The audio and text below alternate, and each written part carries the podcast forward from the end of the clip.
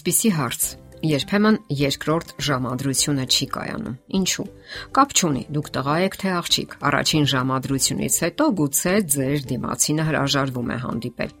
Դա նշանակում է, որ ինչ որ բան այն չէր առաջին հանդիպման ժամանակ, եւ ձեր դիմացինը կամ էլ դուք այլևս չեք ցանկանում շարունակել հարաբերությունները։ Դա ունի տարբեր պատճառներ։ Փորձենք քննարկել ու parzabanել։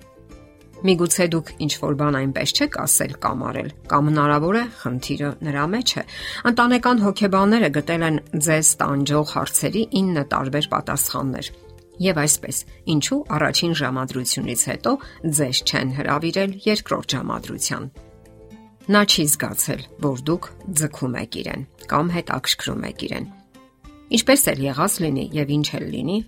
ավելի լավ է իմանալ ճշմարտությունը, քան խაფել ինքն իրեն։ Լոս Անջելեսի մասնագետ հարաբերությունների բնագավառի խորհրդատու Ջեննի Էփլը գրում է. Ինձ մոտ խորհրդատվության եկածներից միայն մի մասն է ասել, որ առաջին ժամադրության ժամանակ ինչ որ բան է զգացել ընտրյալի հանդեպ։ Մնացածներն ասել են, որ ֆիզիկական հետաքրքրությունը բացակայել է եւ նրանք չեն ցանկացել այդ մասին ասել ուղղակիորեն կամ էլ նամակագրության կամ գրառումների ձևով։ Իմ խորհուրդն է շարունակում է մասնագետը, սրտին շատ մոտ չընդունել դա։ Դա վիճակագրություն է եւ նշանակում է դարձյալ այդպես կլինի, ընդ որում ոչ մեկ անգամ եւ ոչ էլ միայն ձեզ հետ։ Ձեր հանդեպ մղում ձգողականություն չզգացած մեկ անznավորության փոխարեն կլինեն երկուսը, ովքեր ձեզ ֆիզիկապես գրավիչ կհամարեն։ Երկրորդ պատճառը կարող է լինել այն, որ նա վատ է դասերակված։ Սա առաջին միտքն է, որ գալիս է ձեր գլուխը, երբ հավանական տեխնազուն չի զանգահարում կամ էլ անհետանում է։ Նման մարդիկ գոյություն ունեն եւ միանգամայն հնարավոր է, որ դա հենց ձեր դեպքն է։ Առանց նախազգուշացման անհետանում են հենց նրանք, ովքեր պատրաստ չեն հարաբերությունների կամ էլ նրանք, ովքեր այլ նախապատվություններ ունեն։ Հնարավոր է նա որոշել է վերադառնալ նախկին հարաբերություններին կամ էլ անցնել նոր որոնումների։ Ցանկացած դեպքում նրա անհետացումը կարելի է միայն ողջունել։ Ողբերգություն տեղի չի ունեցել։ Դա կյանքի հնարավոր տարբերակներից մեկն է։ Երորդ պատճառը կարող է լինել այն, որ դուք ձեզ հետ քարշ եք տվել նախկինին։ Բացատրենք նախադասության իմաստը։ Այս միտքը parzabanենք այսպես. պետք չէ անցնել փողոցի խավար չլուսավորված կողմը, քննարկելով նախկին հարաբերությունները, նախկին ընկերոջ հետ կապված եւ առավել եւս գանգատվել դրանցից կամ նրանից։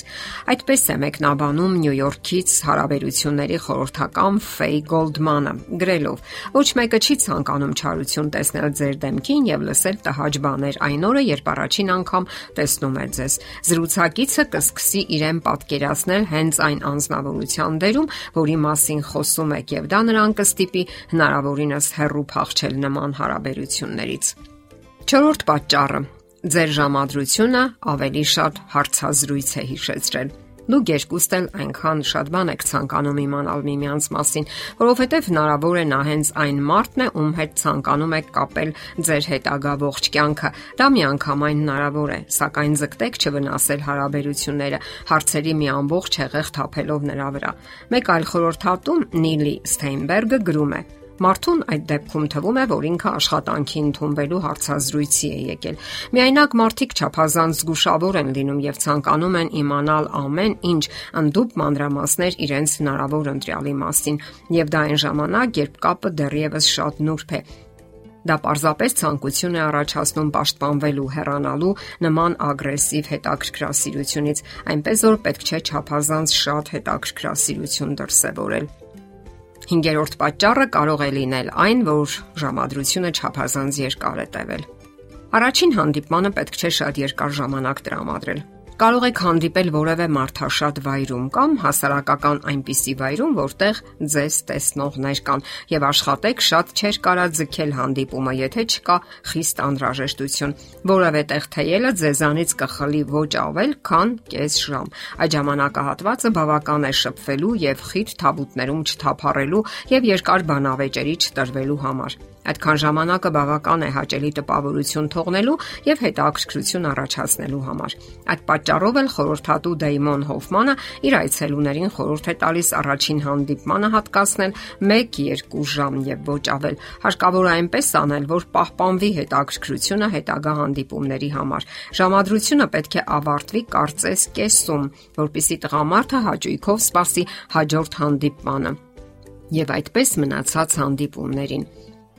6-րդ պատճառը կարող է լինել այն, որ դուք հետաքրքրություն չեք դրսևորել։ Հնարավոր է դուք բավականին հաճախ եք պատասխանել հեռախոսային հաղորդագրություններին, կամ էլ մի կողմ եք նայել եւ համարյա չեք նայել նրա աչքերին, կամ էլ այնպիսի տեսք եք ընդունել, որ ավելի հետաքրքիր գործեր եւ անելիքներ ունեք։ Դրանք միայն մի քանի օրինակներն են այն բանի, որը կարող է հետաքրքրության բացակայություն թվալ, ասում է Հարավային Կալիֆոռնիայի մասնագետ Մեյ Հուն։ Չմոռանաք նայել ձեր նոր ծանոթի աչքերին ովքերին այլապես ձեզ կհամարեն չդաստիարակված անznավորություն։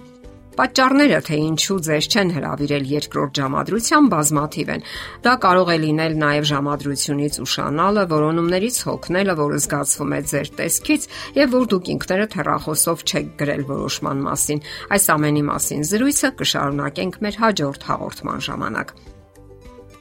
Եթերում է ճանապարհ երկուսով հաղորդաշարը։ Հարցերի եւ առաջարկությունների համար զանգահարել 033 87 87 87 հեռախոսահամարով։